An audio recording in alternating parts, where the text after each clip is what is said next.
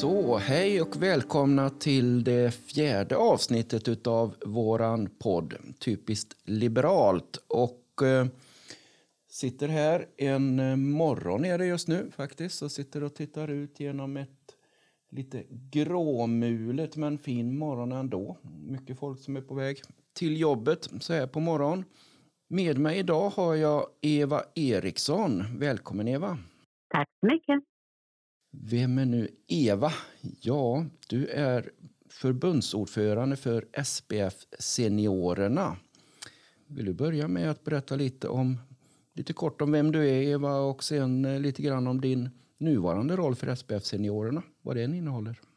Ja, jag eh, är väl kanske mest känd för att ha varit eh, liberal politiker under många, många år. Jag tror att det var, jag började, jag tror jag firade 50-årsjubileum eh, i politiken. Men så lämnade jag politiken och sen så har jag varit eh, eh landshövding och efter det så blev jag förbundsordförande för SPF Seniorerna som är en organisation eh, som organiserar ungefär två och en halv, eh, eller ja, 250 000 kan man säga, en kvarts miljon medlemmar, seniorer. Eh, och vi har 800 föreningar och 26 distrikt i landet. Och vi jobbar med eh, frågor som berör äldre människor i, eh, i vardagen. Äldreomsorgen, sjukvården, pensioner, ekonomisk politik. Eh, så att det sysslar jag med nu på heltid. Jo, jag känner dig ju sen förut, men jag passade på lite grann att titta på, läsa på inför möten här och det är oerhört imponerande. Du har ju förutom eh, region och riksdagsuppdrag även gjort ett antal utredningar för eh, Sveriges regering. Då. Hur många utredningar har du gjort? Ja, tolv stycken eh, utredningar har jag gjort av olika områden. Och det har ju varit olika regeringar. Så att Eh, det har blivit en hel del under årens lopp. Mm. Det har varit allt ifrån eh, djurskyddslag till eh, den här eh, kvinnor och barn i rättens gränsland, eller fruimport som man kan kalla den också, till eh, miljö som är aktuellt nu eh, väldigt mycket när det är eh, så förändrat klimat med nederbörd och översvämningar. Så har du även gjort utredningar om detta förstår jag. Ja, 2017 så gjorde jag en utredning som eh, har temat Vem har ansvaret? Eh, där vi skulle se över hur gör kommuner nu och regioner och enskilda individer när vi råkar ut för klimatförändringarnas eh, eh, effekter i form av tunga, långa regn eh, och översvämningar där inte våra system kan ta hand om det överflödiga vattnet. Och då har vi tittat på vem har ansvaret? Vad står staten ska stå för? Vad står kommunerna för? Och vad står den enskilda individen för? En väldigt viktig utredning, tycker jag, som man nu eh, naturligtvis funderar över hur man ska använda sig av. Jättespännande och eh, jag vet ju i rollen som kommunpolitiker så Lidköping där vi har gränslandet till Vänern som ibland stiger extra mycket och eh, förutom det de här kraftiga regnerna som dyker upp emellanåt så såg jag någonting häromdagen precis som att man nu kräver man kommunen på ersättning för översvämningar och liknande. Så att, ja, det är fantastiskt spännande och aktuellt. Framförallt runt Vänern. När jag var landshövding i Värmland så var ju den frågan ständigt på tapeten för oss kommuner runt Vänern. Jag menar, hela regleringen av Vänern eh, kommer ju att bli en stor fråga framigenom när vi får mer och mer höjning av, av eh, vattennivåerna eh, runt Vänern och, och dessutom erosion runt strandkanter. Så att det kommer ju både höjas vatten och försvinna mark runt om och, och det påverkar ju hela Göta kanal ner mot Göteborgs hamn. Så det är ju en oerhört stor fråga för framtiden hur man ska hantera den problematiken.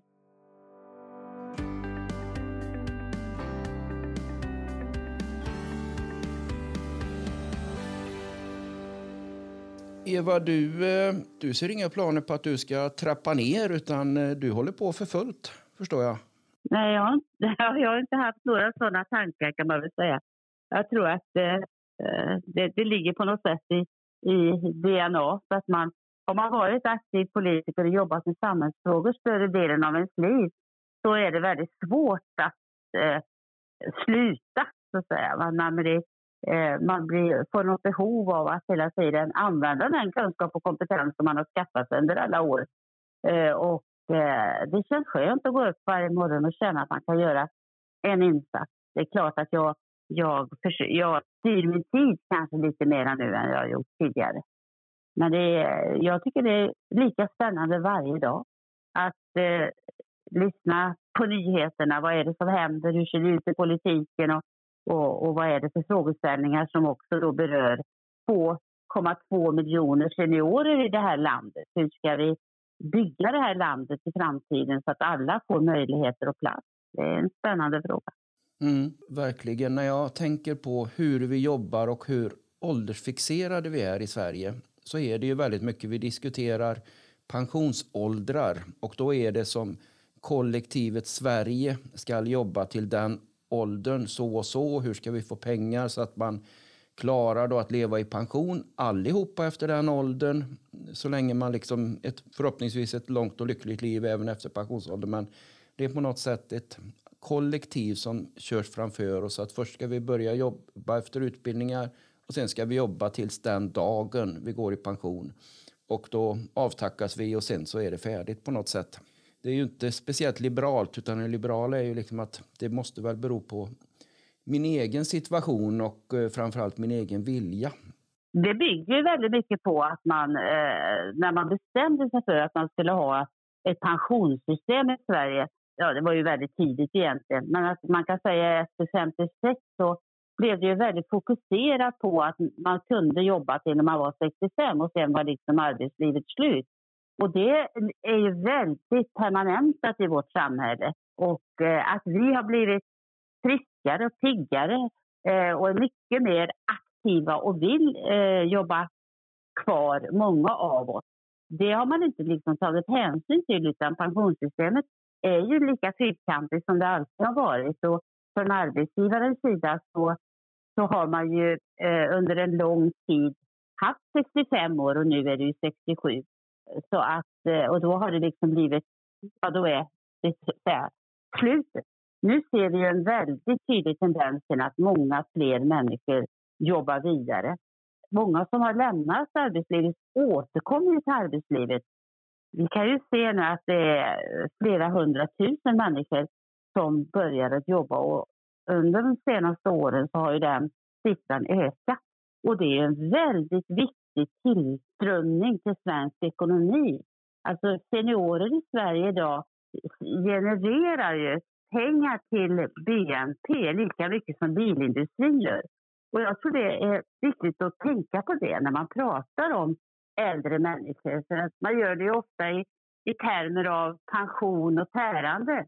Och så är det ju inte, utan vi är ju också en aktiv del i samhället som har möjligheter att välja så att säga, hur vi vill ha vår vardag. Och just det du frågar om är ju också en, ett dilemma att vi har så mycket åldersgränser i vårt land inom olika system. Pensionssystem, socialförsäkringar, socialtjänst. Och det gör ju att vi tror att det ska vara så, även om vi lever mycket längre nu än vi gjorde tidigare och är mycket piggare. Medicinsk framgång har ju gett oss möjligheter att vara aktiva väldigt mycket längre. Mm. Så är det. Och precis där du pratar om ekonomi, det vet jag ju också i kommunpolitik runt om överallt. Man pratar om, man mäter hur många man har som är 65 plus respektive hur många man har som man kallar i arbetsför ålder respektive ungdom och barn. Men jag försöker ju alltid där också säga att det, det måste ju för en kommun vara väldigt bra att ha en hög andel 65 plus eftersom det är precis som du säger, man, eh, man bidrar till samhället, man betalar sin skatt som alla andra och eh, ja, man är, man är en del i samhället på så sätt och bidrar så att eh, det, är ju inte så att man bidrar mer för att man är under 65 respektive över 65 och det man förr tänkte på mycket det där, jo men det fordrar så stor utbyggd eh, äldreomsorg och liknande. Det har vi skjutit på i väldigt många år i vårat, våra liv nu. Det kommer ju så mycket senare, den där att behöva tas om hand på ett annat sätt.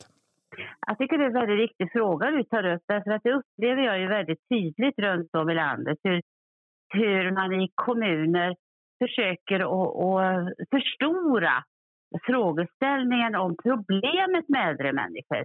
Alltså, det är ju så att vi blir äldre och vi är lite skraltigare och vi behöver kanske lite stöd från samhällets sida i olika former men det blir ju mycket senare som du säger än tidigare.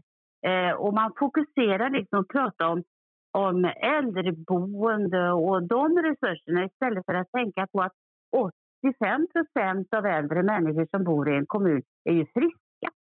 Och, och, man pratar ju väldigt sällan om hur man ska till exempel jobba med boende som är bättre för äldre som man kan jobba ifrån eller som man kan flytta från sin villa som man inte klarar längre till exempel. Eller man kanske har en stor lägenhet i, i ett hus där det inte finns hiss. Då vore det bättre att man funderar över vad ska vi bygga för boende som är lättillgängliga, som ligger centralt och som är, eh, har en uh, bra hyresnivå så att man kan betala eftersom pensionerna i många fall inte är så höga. Alltså fokuseringen på debatten om äldreomsorgen har blivit att vi är sjuka, vi är trötta, vi måste tas om hand. Och, och detta är tror jag väldigt allvarligt och den debatten måste man vända på. Annars så får man helt fel fokus. Och det, det blir så tydligt. Så man har alla möjliga konstiga folkomröstningar vad det är för runt om i landet här om äldreboende och sånt som kanske inte alls är intressant för den äldre. Därför att vi har helt andra behov idag. Vi vill liksom bo som alla andra i ett boende så länge vi kan, eller bo hemma. Eh, men samhället har en annan inriktning och det jobbar vi ju väldigt mycket med nu i alla eh, pensionärsorganisationer tillsammans med regering och de andra partierna för att försöka vända den där debatten. Mm. Nej, för det är ju precis som du säger och det kanske man, man pratar ju om den här eh, få igång flyttandet och cirkulation på boendet också. För att många gånger kan det ju vara så att man har bott i en större villa eller villa när eh, man hade barn hemma och sedan har flyttat ut och sedan så är man kvar i den där villan och även om man eh, trivs där, man klarar att hantera det så kanske man inte behöver den storleken. Men då är det ju också lite begränsningar i vårt ekonomisystem som gör att det är ju inte speciellt ekonomiskt att då sälja sitt hus för att sätta sig i en lägenhet eh, centralt så man har nära till eh, det utbud man vill ta del av, eh, gå på restauranger och eh, um, umgås med vänner och bekanta utan då blir det ju en inlåsning tyvärr också i boende. Så det är också någonting som vi måste hantera på ett annat sätt just för att man ska inte in i ett äldreboende utan man ska ha en modern fräsch lägenhet som bättre passar in. Mm. Nej, jag håller med dig. Och detta är ju en stor fråga för kommunerna som alltså man måste jobba mycket med eh, fram igenom. Men det, det bygger ju väldigt mycket på det vi startade och diskuterade och man måste, kan inte vara rädd för att säga det. Alltså det sättet att se på gamla människor. Alltså vårt samhälle är fullt av ålderism. Att man tror att gamla människor måste tas om hand. Under pandemin tycker jag blev det så väldigt tydligt. Då man bestämde sig för att vi skulle skydda oss och det var ju bra i och för sig. Men man kan ju inte stänga in en hel grupp människor därför att man ska skydda dem, utan man måste hitta någon modell för det. Eh, och fortfarande så finns det attityder till att man ska ta hand om. Istället för att lyssna till oss, låta oss vara aktiva, vara med i samhällsdebatten, eh, så vill man gärna klappa oss på huvudet och säga att vi vill gärna ta hand om det, vi ska göra så bra som möjligt så att det finns eh, tillgång så att du också kan eh, vara med oss. Det, alltså vi vill ha respekt och vi vill ha omtanke och vi vill att man lyssnar på oss. Och så vill vi ha den vård vi behöver när vi behöver det. När vi bestämmer själva hur vi vill ha det. Alltså vi, vi är ju det landet i Europa som har mest ålderism. Den sista rapporten från Världshälsoorganisationen visar att Sverige är sämst på detta. Mm. Det märker jag. Jag är 58 och det är ju väldigt gammalt för många yngre som tittar på det. Jag kommer ihåg själv när man liksom var betydligt yngre hur man tänkte uppåt i livet. Men jag märker ju redan det för egen del. 58. Försök inte byta jobb eller liknande. För vad ska du göra på en ny arbetsplats bara i några få år? För sen ska man ju sluta. Det är ju så man tänker istället för att faktiskt vilken erfarenhet. Det är ju erfarenheten som kommer med ålder. Den kan man inte läsa sig till oavsett hur många år man går i skola. Så är det faktiskt erfarenhet man samlar på sig.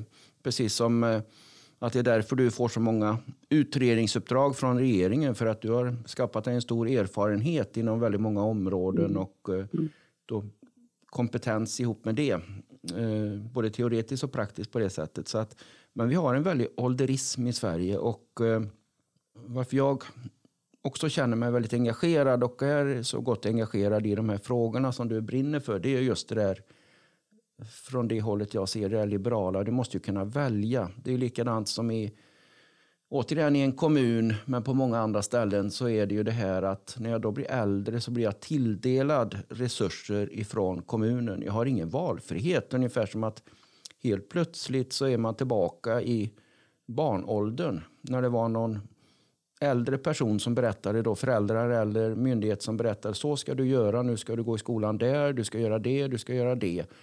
Istället för att jag levt ett helt liv och skaffat mig väldigt mycket erfarenhet och kan ta hand om mig själv. Men då ska man fasas in tillbaka där någon annan ska bestämma över en. Mm. Ja, och då finns det ju lagar och regler och paragrafer så att säga som, som styr detta. Och det är väl så man måste fundera över nu. Vad, vad, hur bygger man nu framtiden?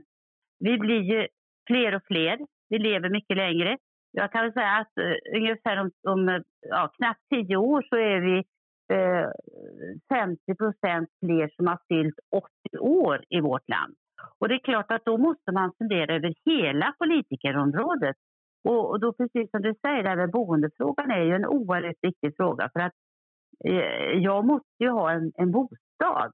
Jag ska inte kunna behöva bo hemma så länge så att jag, nästa bostad är ett särskilt boende. Utan jag måste ju kunna jobb, eh, flytta under tiden, kunna välja det. Och jag måste också kunna välja att vara aktiv i samhället så länge som möjligt. Och då måste det ju finnas eh, också en god äldreomsorg eh, och en, en god vård som erbjuds mig. För det, vi blir ju lite skröpligare när vi blir gamla. Men det är ju inte så att jag, jag är så dålig så jag inte kan vara med i samhället som eh, aktör eller som medborgare utan jag har ju mycket att ge samhället samtidigt.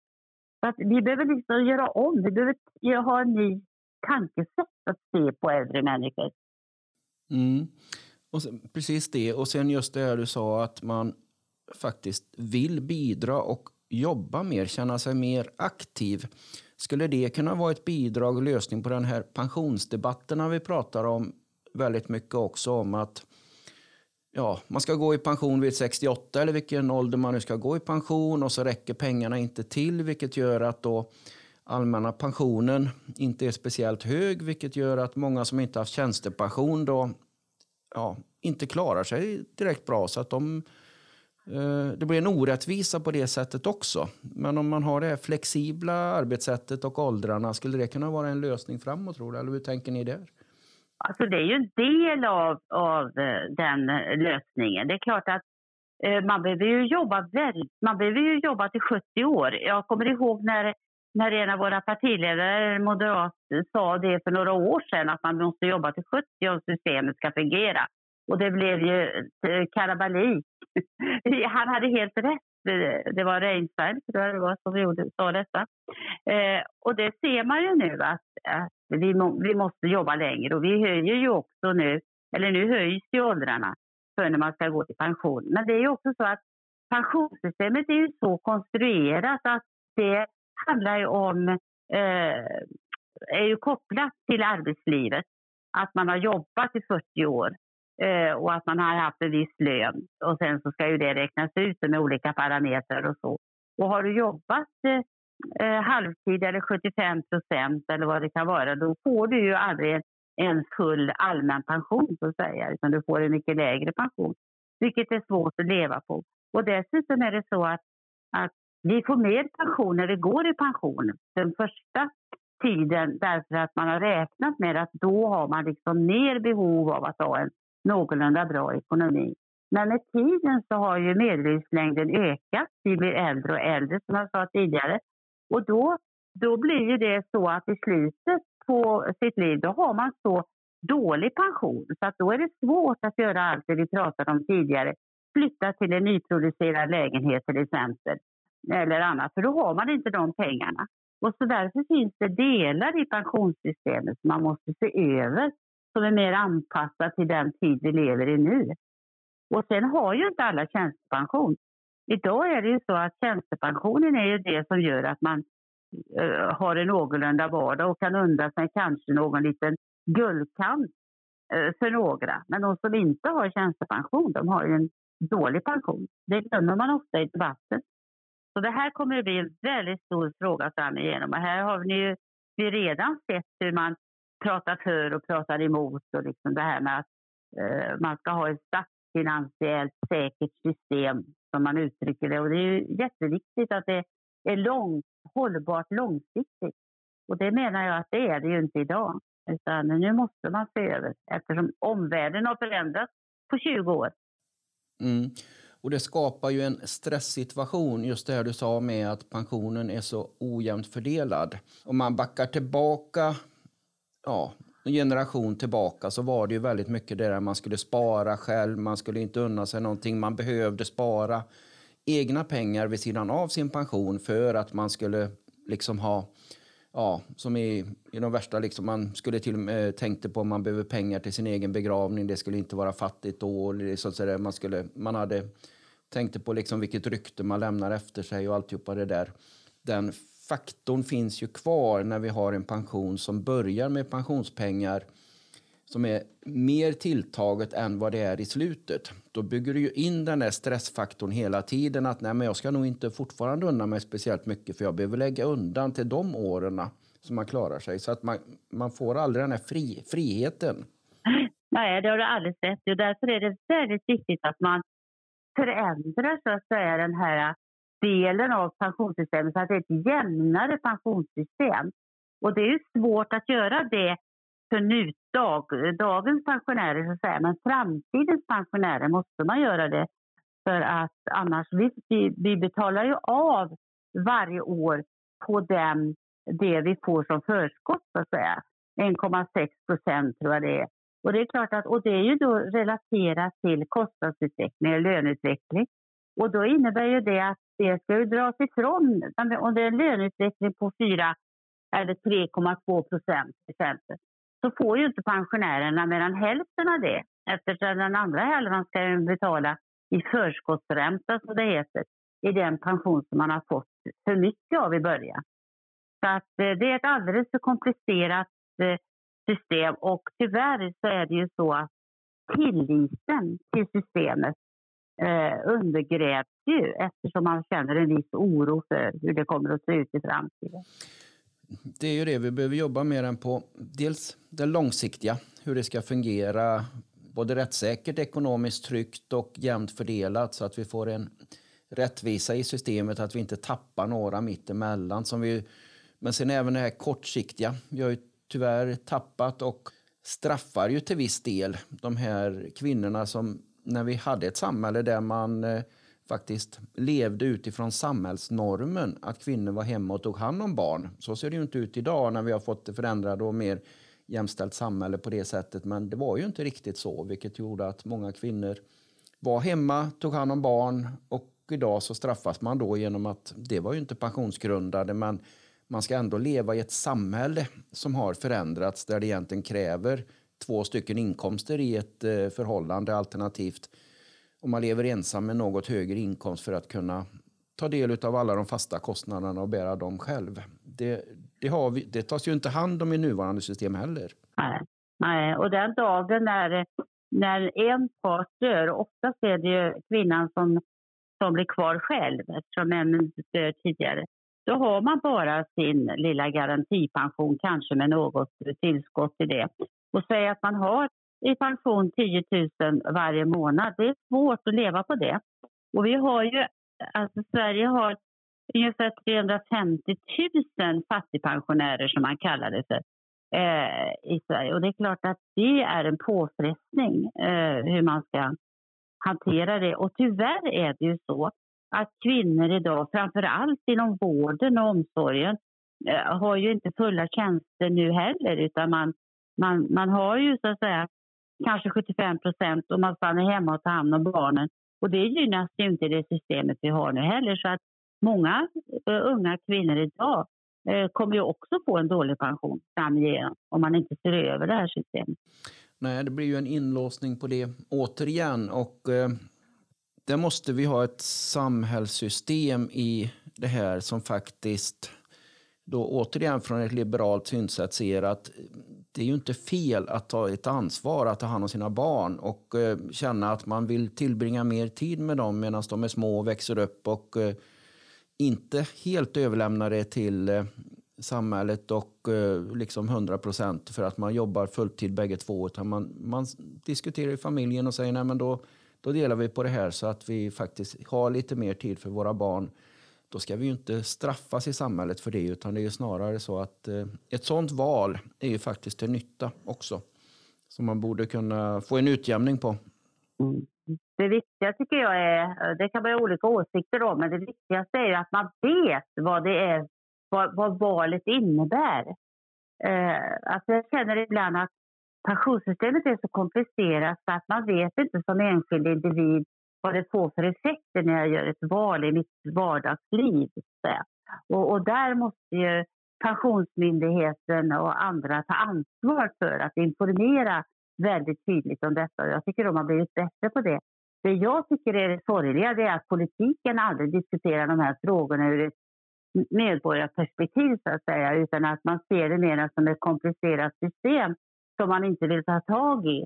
Och, och det innebär ju att debatten blir ju väldigt liten när det gäller pensioner. Men om man vill ha legitimitet för det här systemet som vi alla har varit med och betalat in till genom att vi har avstått lön och arbetsgivarna har tagit ansvar och betalat in sociala avgifter och så. Då måste man göra någonting, annars kommer man att undergräva eh, legitimiteten ännu mer. Det, det där tycker jag är en fråga som vi diskuterar alldeles för lite. Nej, jag håller med om det. Och just den där, jag märker ju det själv. Nu är jag ekonom och jag gillar den här typen av frågor och försöker sätta mig in så mycket som möjligt. Men om jag går till mig själv och eh, ser, det, nu finns det ju bättre överblickar. Det finns ju de här apparna och det finns webbsidor man kan gå in och man kan göra estimeringar, man kan planera hur kommer räntan att gå upp och om jag slutar jobba då och då. Men det är ändå väldigt, väldigt svårt att få en, en möjlighet att kunna planera faktiskt sitt yrkesliv för att se hur kommer detta att påverka min framtida pension? För eh, är det jättesvårt faktiskt. Mm. Ja, det är det. Dessutom så är det ju väldigt tråkigt tycker jag att man tog bort den där viktiga delen som gav en möjlighet att fundera över det eh, vid, vid frukostbordet nästan. Alltså att man kunde spara själv och så fick man avdrag och deklaration. Så det var ju ett väldigt bra sätt att fokusera på att jag ska bli gammal och, och jag ska också försörja mig då. Så hur ska jag ta eget ansvar plus det här eh, systemet som vi ändå är en del av. Eh, när man tog bort det, då kände jag att varför tog man bort det? Det gav ju ändå så att säga, möjligheter för mig att kunna göra ett val. Det har jag ju inte längre. Nej, det, håller jag, det håller jag helt med om. För Jag förstår inte heller varför man tog bort detta. Och Det vill ju jag verkligen ha tillbaka. Att du oavsett hur mycket eller hur lite så har du ändå en möjlighet att spara. Sen när du använder pengarna, då kommer de ju ut i konsumtion och du betalar skatt på dem då när du skulle ta ut det här pensionssparandet. Så att man lurar ju inte samhället på något sätt utan det var ju snarare en stimulerande för att var och en har en möjlighet att ta ansvar lite grann ifrån och det lär också ifrån tidig ålder att faktiskt börja planera det här livslånga. Hur jag vill ha mitt liv framigenom. Mm. Nej, jag tyckte det var synd. Alltså det var eh, inte bara, bara den där saken i sig utan signalen om att man har ett ansvar själv. För det har man ju nu med, men då, det döljs eller glöms bort i hela det här systemtänkandet. Och jag sköter ju inte det själv utan det gör ju min arbetsgivare genom att betala in sociala avgifter då. Och, och, och de avgifter som ska betalas in för att jag ska kunna få en god pension. Det, eh, det där med eh, att man har en egen makt är väldigt viktigt över sin, eh, eh, sin vardag eh, och eh, kan påverka själv. Mm. Mm. Det är både liberalt och framförallt väldigt duktigt och liksom viktigt i detta att inte som idag att man känner att man står vid sidan om och det är staten Sverige respektive arbetsgivaren som har ansvar för min pension istället för att jag får en mer delaktighet i det och kan då ta del av det och bestämma egentligen hur länge jag vill jobba.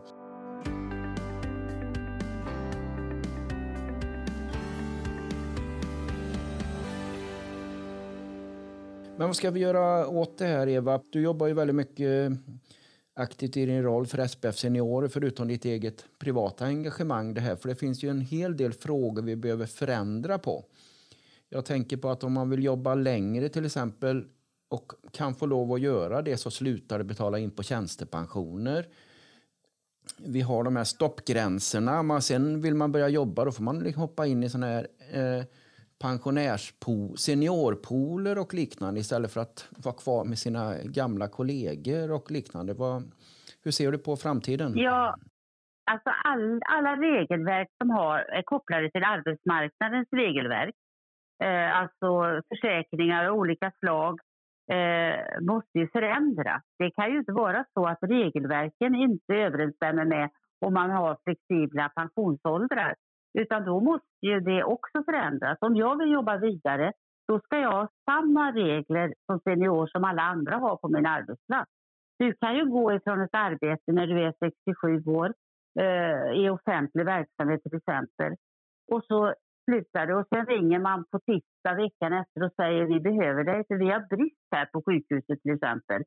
Är du bussig kommer in? Ja, då kan man komma in. Men alltså då är man ju senior och då, regler, då är ju reglerna annorlunda på arbetsmarknaden. Så där, där måste man, där har politiken tycker jag varit senfärdig i att när man säger att man ska höja pensionsåldern, då måste man också gå in och titta i alla andra regelverk eh, så att de följer eh, med. Sen, eh, det är ju likadant med tjänstepensionen, att man måste så att säga kunna få tjänstepension av, av arbetsgivaren i kollektivavtalet även senare. Eh, under hela sin tid på arbetsmarknaden. Sen är det klart att det är annorlunda om man bestämmer sig för kanske när man är 67 eller 68 och startar sitt eget bolag eller vad det kan vara för någonting. Men alltså om man går tillbaka till arbetsmarknaden som man är eftersökt, då måste man ju ha samma regelverk. Annars fungerar ju inte arbetsmarknadens regler. Så att säga. Då har vi ju en grupp människor som man kan använda sig av eh, så att säga, vid sidan om lite grann. Men eh, det är också ett synsätt och en värdering.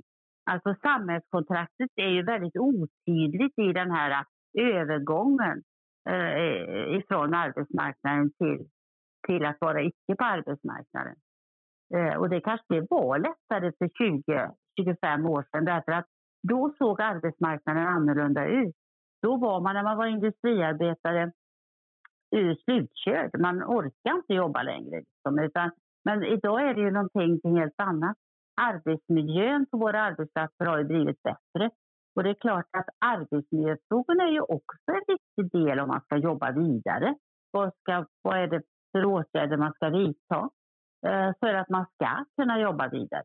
För det finns så många saker som har förändrats eh, de sista 20 åren. Mm. Men det har ju hänt mycket med eh, vårt sätt att leva och eh, livsvillkor, levnadsvillkor gör ju att vi blir piggare och mer delaktiga istället för att man kämpade och slet, vilket absolut en del gör redan idag som har väldigt hårda jobb och mycket inom sjukvården och omsorgen och liknande. Så att där måste vi också förändra så att man inte sliter ut sig utan att man har en möjlighet till ett alternativt ja. arbete. Mm. Och det är ju likadant tycker jag att där måste man ju också fundera på hur, hur ska, vad är det för socialförsäkringssystem man ska ha för de människorna som inte orkar utan måste gå i pension till exempel när man är 67. För man orkar helt enkelt inte längre. Då måste det ju vara så att eh, det finns eller man kanske inte ens orkar jobba längre än till 62 eller 63 för man är utsliten. Då måste det finnas någon slags mellanförsäkring däremellan som gör att man faktiskt kan gå i pension. Förut hade vi ju socialförsäkringssystem med delpensioner och förtidspensioner och vad du vet, eh, som eh, inte finns längre. Eh, I våra nordiska länder diskuterar man ju detta väldigt mycket, hur man ska klara den här mellangången när man höjer pensionsåldern. Att det finns en grupp människor som inte kommer att orka. Och det är viktigt att prata om det för att så man inte känner att det är en stor grupp människor i vårt samhälle som jobbar med tunga arbeten i vården till exempel, eller man kan vaktmästare och, och, och de som jobbar iväg och, och, och, och gatuarbeten. Det finns massor med sådana tunga jobb. Eh, att de inte blir lämnade åt sidan utan att de också finns med i diskussionen. Mm. Ja, men det är det. Och, eh, vi ska börja runda av snart här, men jag vill ändå liksom precis på det fokusera på att det det handlar om är ju att se individen, att vi är väldigt olika. Vi är ju inte... Ja. Ja. Vi lever kollektivt, vi lever i ett gemensamt samhälle. Men vi måste ju ändå plocka ut och se att vi är väldigt olika. Precis som man många gånger misslyckas redan i skolåldern där eh, då en del barn inte klarar av just det där och man då försöker liksom att fasa in så att alla ska vara ungefär samma och eh, är man inte det samma så ska det då fram massa utredningar och grejer för att se vad det är som gör att jag avviker för att kunna hitta på någonting då som gör att jag faller tillbaka till normen istället för att bejaka att vi faktiskt är olika och hitta ett system som passar där. Likadant är det ju då när vi kommer upp i åren lite mer så måste vi också ha system som faktiskt gör att vi kan vara olika. Och det är väl det som gör att många reagerar som om det nu var Reinfeldt som sa att vi behöver jobba till 70 år. Då ser alla att alla ska jobba till 70 år. Men så är det ju inte utan vi måste ha en möjlighet att kunna jobba till 70 eller mer. Men en del inte klarar det och då måste vi ha ett system som gör att man inte sliter ut sig utan att man kan få en god äldre, eh, ett antal goda äldreår också utan att vara utsliten men få en god ekonomi ändå. Ja, absolut. Och jag tror att det är väldigt viktigt med hur man väger de där orden. Man måste vara väldigt tydlig i det politiska budskapet. Att man, man, så det blir klart och tydligt att man funderar över alla människors lika värde. Jag tror att man måste förtydliga det här. Att vi vill bygga system i det här landet eh, från SPFs sida där vi vet att alla människors lika värde är så att säga det centrala. Och sen om jag har större behov än någon annan, ja då ska jag få de behoven tillgodosedda. Medan den andra personen inte kanske behöver det just då, så måste man kunna välja bort det. Och det, det, det tycker jag nu lite grann att vi är inne i en diskussion där det är precis som att alla ska ha samma och alla ska bo på lika sätt och alla ska ha samma äldrevård och samma omsorg. Och det blir så att säga så väldigt statiskt och omänskligt på något sätt. Eh, och, och, det bygger ju mycket på att eh, vi, eh, vi, bygger, vi lever i ett samhälle som har en bild av hur gamla människor ska ha det eller inte ha det. Så jag hoppas att eh, vi nu får en diskussion om de här frågorna eh, som blir mera saklig och som handlar mycket mer om framtiden, de strukturer vi ska bygga för att vi ska må ha ett gott liv allihop. Mm. Lite mer liberalism skulle jag vilja säga då, där vi faktiskt ser att det är individens möjligheter och skyldigheter som mer tas hänsyn till istället för att det blir ett kollektivt tänkande. Vi måste faktiskt vrida det så att det blir mer liberalt i det här. Så att som eh, lite grann summering. Vi, vi behöver se över arbetsvillkoren så att det finns inte bara man tar bort ålderismen som ligger i det lite grann att man har en möjlighet att kunna jobba längre men då måste det också finnas med fortsatt trygghetssystem eh, eh och fungera så att jag blir en del av arbetsplatsen på riktigt. Inte att jag kommer in som en gästarbetare utan att jag faktiskt eh, efter ett antal år väljer att gå tillbaka och jobba eller att man eh, vill fortsätta jobba längre och att det då ska kunna fungera. Sen pensionsvillkoren, att vi behöver tänka till hur vi, de som har den lägsta pensionen idag, hur vi på kort sikt får upp den så att det är bra, men även det här långsiktiga så att vi får ett förståeligt pensionssystem och som då gynnar och inte har en inlåsning med att jag börjar med att få lite mer pengar i början och sen känner en oro för att pengarna inte ska räcka genom hela livet. Man måste någon gång kunna få den där att jag vet vad jag har och jag vet att jag kommer att klara mig också. Mm. Och någon form av socialförsäkringssystem som du säger att våra grannländer jobbar mycket med. Att eh, jag faktiskt eh, ibland utav olika anledningar. Det kan vara eh, olyckor, det kan vara att jag har ett slitigt jobb, att eh, min kropp helt enkelt inte orkar med eller att det finns andra anledningar att jag känner att eh, jag behöver ta en paus ifrån arbetet. Och då ska man även kunna göra det. Inte, ja, är det fri, frivilligt på något sätt, jag menar, då, då ska jag kunna välja det givetvis om jag är beredd att ta ett lägre ekonomiskt levnadsvillkor och liknande. Men en del kan ju inte göra det genom ett frivilligt val utan det är helt enkelt så att det funkar inte längre. Då måste vi ha ett system som täcker upp detta så att jag inte blir eh, drabbad inför all framtid på detta. Mm. Hur ser dagen ut för övrigt idag då, Eva? Ja, jag, jag ska eh, förbereda mig här för jag ska diskutera kommunernas avgifter nästa vecka. SKR ska ha ett stort seminarium där jag ska vara med om, om eh, kommunernas avgifter. Kostnaderna för äldre människor på boende och, eh, och andra avgifter. Det blir spännande. Ja, vad spännande. Du är med mm. överallt, Eva. Jättetack för att du ville vara med idag. Och eh, fortsatt lycka till och eh, all cred till dig i ditt fortsatta arbete som kommer att gynna oss allihopa på, på detta. Så tack för idag. Tack så mycket. Ha det så bra. Tack, hej.